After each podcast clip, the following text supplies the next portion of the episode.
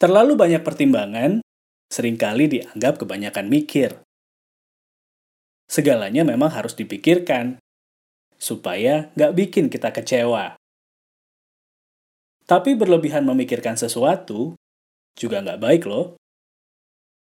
Sebuah riset dari Michigan University US mengungkapkan, sekitar 73% orang di usia 25-35 tahun mengalami masalah overthinking atau memikirkan sesuatu secara berlebihan. Kali ini kita akan ngomongin tentang overthinking. Di Self Talk, makna kata podcast, bareng saya, Fendi Rahman.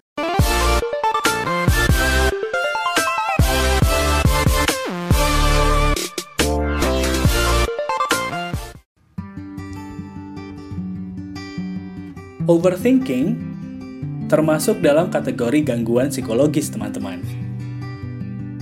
Keadaan ini bisa berdampak negatif pada kondisi fisik kita. Efek yang paling sering dirasakan adalah rasa cemas yang berlebihan. Seseorang dengan kondisi overthinking akan mengalami rasa sakit yang kuat.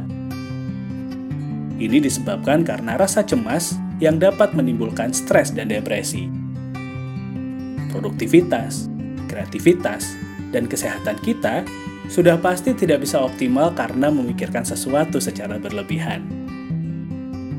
Saat kamu mulai merasa overthinking, belajarlah untuk mengendalikan perilaku. Jangan terus-terusan memikirkan masalah, tapi fokus untuk cari solusinya. Selain itu, kurangi berpikir hal negatif yang menghambat aktivitas kamu Jangan sampai produktivitas turun karena overthinking ya teman-teman. Kalau kamu punya ide yang keren, saran atau kritik, bisa DM saya via Instagram dan Twitter di @fendirahman atau kirim emailnya di fendirahman@gmail.com. Terima kasih sudah mendengarkan makna kata podcast. Saya pamit. Ketemu lagi minggu depan ya, teman-teman.